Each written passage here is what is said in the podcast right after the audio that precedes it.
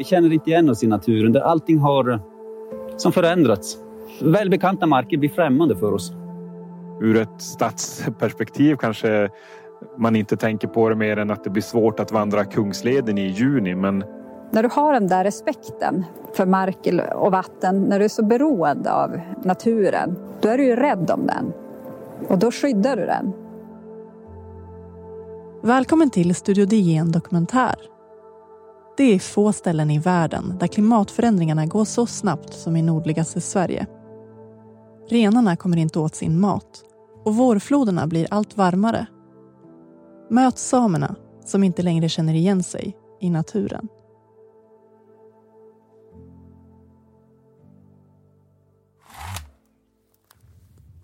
Kråkbärsris och dvärgbjörkar färgar fjällsluttningens tunna snötäcke brunt.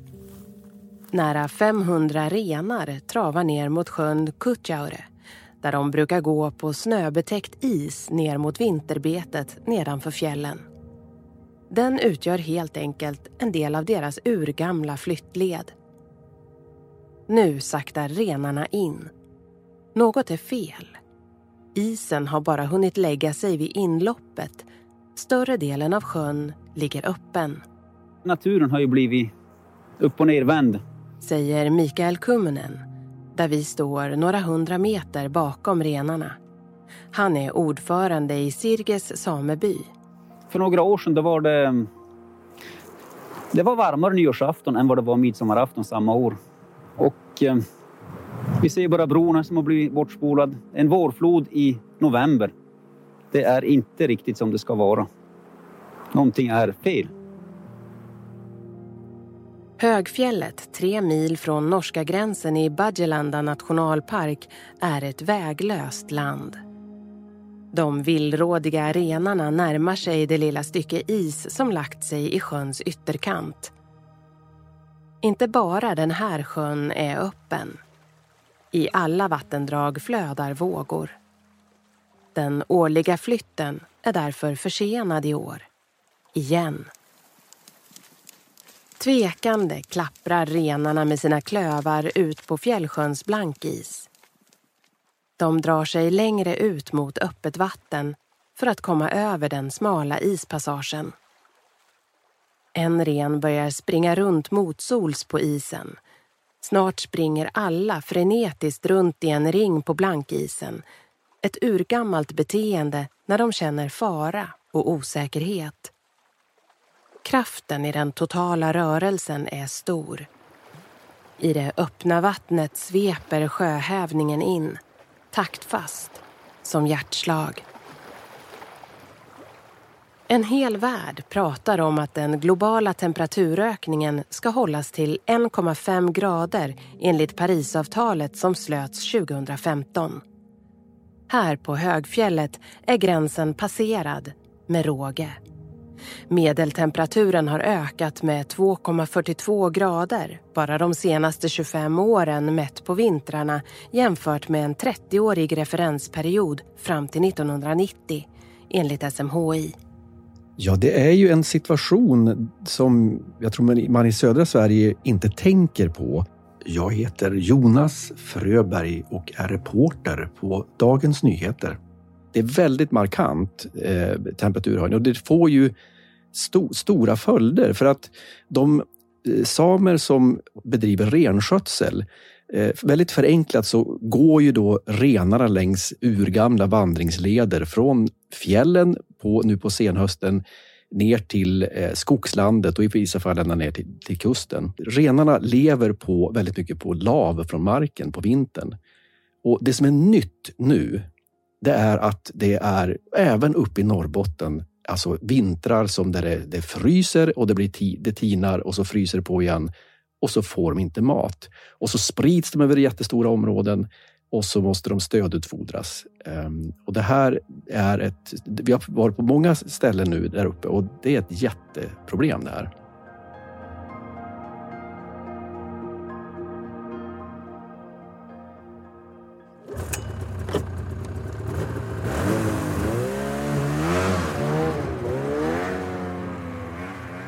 Som renskötare märker vi definitivt av klimatförändringarna och särskilt den takt de sker i. Säger renskötaren Carl-Johan Utsi. Den välkända dubbeltoppen i Akkamassivet tronar i bakgrunden. Han fortsätter. Det är mycket som, som är annorlunda och, och lite otäckt faktiskt. Men jag vågar nog säga som, som renskötare har vi en unik insikt i vad som händer med det här området som är relativt nära Arktis där vi vet klimatförändringarna sker extra fort. Och eh, vi har ju sett eh, mätningar som visar att Jokkmokksområdet till exempel är redan uppe på två graders medeltemperaturökning. Och, och det tycker jag vi märker väldigt ofta i, i, i de här trakterna. Padjelanta kommer ur samiskans Badjelanda som betyder det högre landet. Och här har varit trädfritt. Nu kryper trädgränsen uppåt. Renarna står framför en vägg av videsly och fjällbjörk och blir villrådiga. En ren går genom isen. Det varmare och mer volativa klimatet med mer nederbörd och regn har dramatiskt förändrat förutsättningarna för renskötseln. Under århundraden har renarna flyttats ner från högfjällsplatåerna till det så kallade vinterbeteslandet i skogarna under senhösten. Där äter de lav på marken och i träden eftersom högfjällen inte erbjudit mat på vintern. En otroligt intressant sak som vi såg där, det var alltså samiskan det samiska språket är oerhört rikt och nyansfullt när det gäller snö och is. Det finns flera hundra uttryck där. Och så frågade jag eh, Mikael Kommunen som är ordförande i Sirge sameby. Vad heter det här istäcket på marken som hindrar renarna att äta? Och han blev alldeles tyst. Eh, jag, jag vet inte, sa han. Och han kan nordsamiska flytande sedan barnsben. Då ringde jag hans farbror som har levt nära renen väldigt länge och uppe i fjällvärlden utan bilvägar. Och då, han kom på ett ord efter ett tag men så sa han att fast det är nog mer en isskorpa. Alltså han sa det finns ord, men vi har inte använt dem för det har funnits bete på vintern. När det blir is på backen, jag brukar förklara som enklast att eh, maten fryser in i kylskåpet eller frysboxen hos människor. Det är väl så man förstår det lättast då. Du får inte ut maten därifrån. Och människor kan ju fara till en restaurang då och äta, köpa mat. Och eh, alla som går ut på restaurang vet ju att det kostar pengar att äta på en restaurang. Och det är likadant för våran del. När vi ska börja mata stödutfodra renarna, det är som att gå till restaurang med renarna. Det kostar pengar. Och det är någonting som, det håller inte i längden.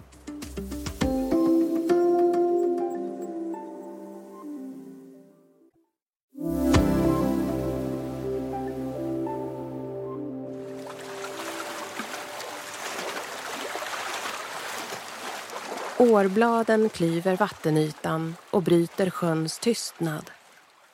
Marie Persson Njaita lutar sig mot relingen i den fem meter långa roddbåten och lägger sina nät i Björkvattnet, 20 mil söderut, i fjällkedjan utanför Tärnaby. Många tänker på renar när de hör ordet same, men Marie Persson Njaita är fiskesame.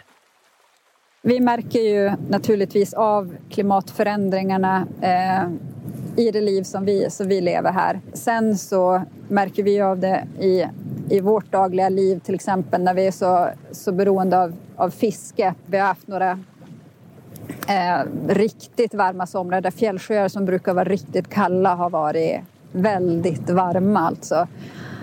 Och det undrar man ju, man förstår ju att det påverkar fisken och så. Och det här är ju något som har varit så väldigt avgörande och viktigt under lång tid för matförsörjning och, och håll i möjlighet. Alltså det har ju varit den möjlighet för oss att kunna fortsätta leva här i. Vi pratade med en professor i Umeå, Jan Karlsson, som sa att 73 procent av rödingen kommer att försvinna under det här århundradet. Och redan nu när det blir varmare och det blir grumligare vatten i fjällsjöar så, så, så försvinner den eh, gradvis helt enkelt. De milda höstarna och vintrarna påverkar också fiskesamerna på samma sätt som renskötarna. Sjöisarna blir svaga. årstiderna oberäkneliga.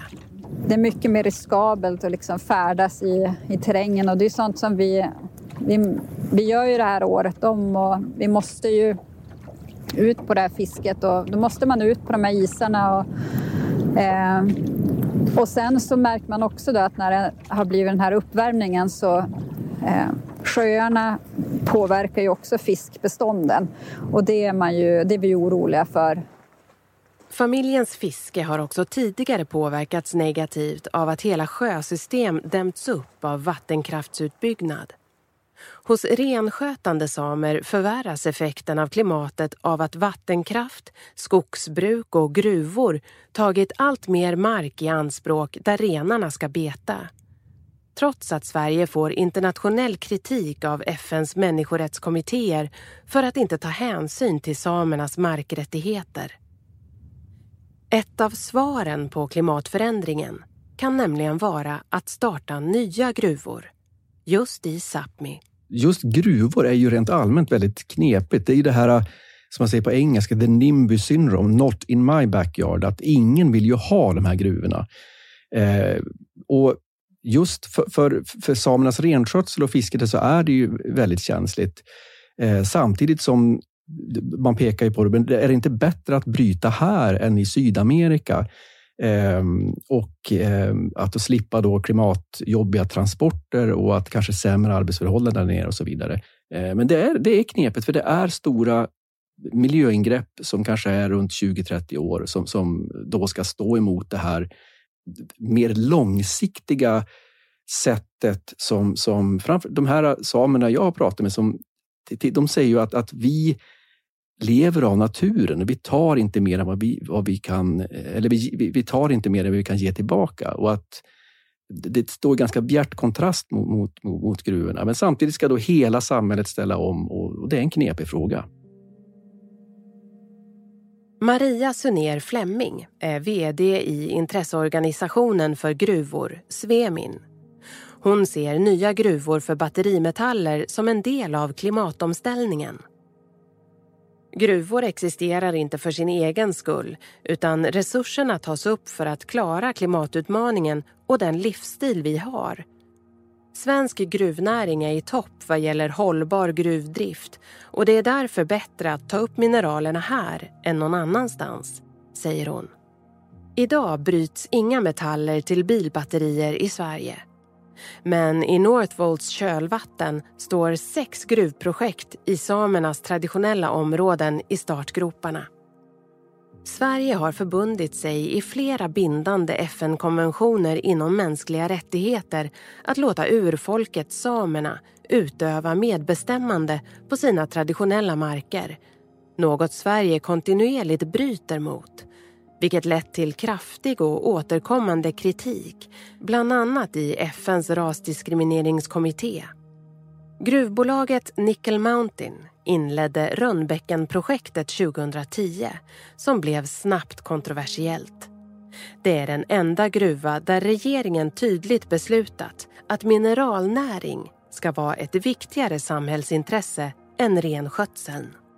Just detta ledde till att FNs rasdiskrimineringskommitté efter en anmälan från samebyn startade ett speciellt fall mot svenska regeringen som anklagas för att inte respektera samiska rättigheter. Det är ett ovanligt förfarande. Nickel Mountains nuvarande vd Peter Hjort säger att Northvolt skulle behöva stora mängder nickel men att det inte är aktuellt med brytning i nuläget. Han säger sig ha stor respekt för samerna och blir sen tyst på telefon flera sekunder. Det är ett jättestort ingrepp i naturen och drift ska pågå i 30 år. Peter Hjort säger att det är en svår avvägning. Men om vi ska skynda på övergången till elbilar behövs nickel och zink och då måste vi hitta en prioritering så att det blir en bra lösning för samerna med ekonomisk ersättning. Tittar man på miljön i ett globalt perspektiv är det sämre att importera nickel från Sydamerika. Det är eh, stora dilemman eh, i det här och slitningar mellan då urfolket samernas rätt till kultur som då går in i det här. Eh, för ska man ge dem rätt till kultur, då måste man ge dem rätt till mark. Och det går stick i stäv med den här mineralutvinningen. Och det, här, det är det som gör det här så extremt känsligt för regeringen. Tillbaka till Marie Persson Jaita. Hon berättar hur hon ser på naturen. Hur man tar hand om markerna är så intimt kopplat till det, det liv man har. När du har den där respekten för mark och vatten, när du är så beroende av naturen, då är du ju rädd om den. Och då skyddar du den.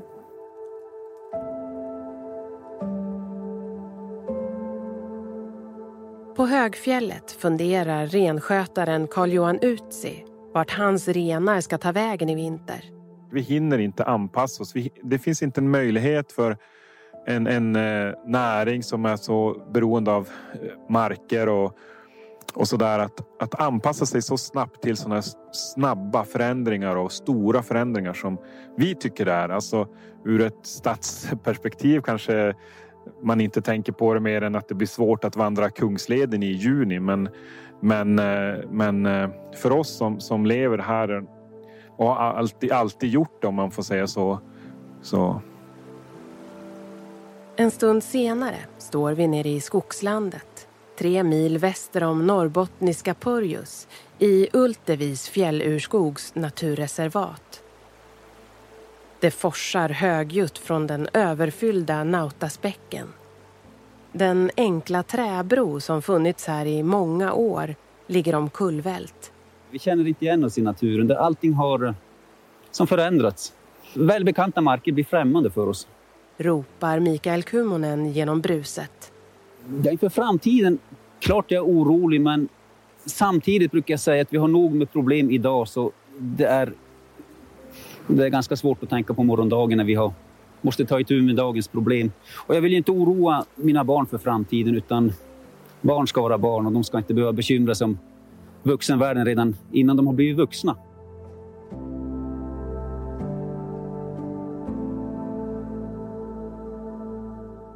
Det här avsnittet har producerats av mig, Madeleine Longo. Exekutiv producent var Augustin Erba. Klippen från tidigare Studio DN var producerade av Sabina Marmelakai och Sanna Thorén Björling hade intervjuat Dagens Nyheters reporter Jonas Fröberg. De medverkande var fiskesamen Marie Persson Njaita och renskötarna Carl-Johan Utsi och Mikael Kummenen som också är ordförande i Sirges sameby. Berättarrösten var Susanna Levenhaug från Beppo ljudproduktion och ljudtekniker Patrik Miesenberger. Texten har skrivits av DNs reporter Jonas Fröberg och fotograf var Lotta Hedelin. Redaktör för texten var Karin Östman och musiken var från Epidemic Sound. Det här var en produktion från Dagens Nyheter och Bauer Media.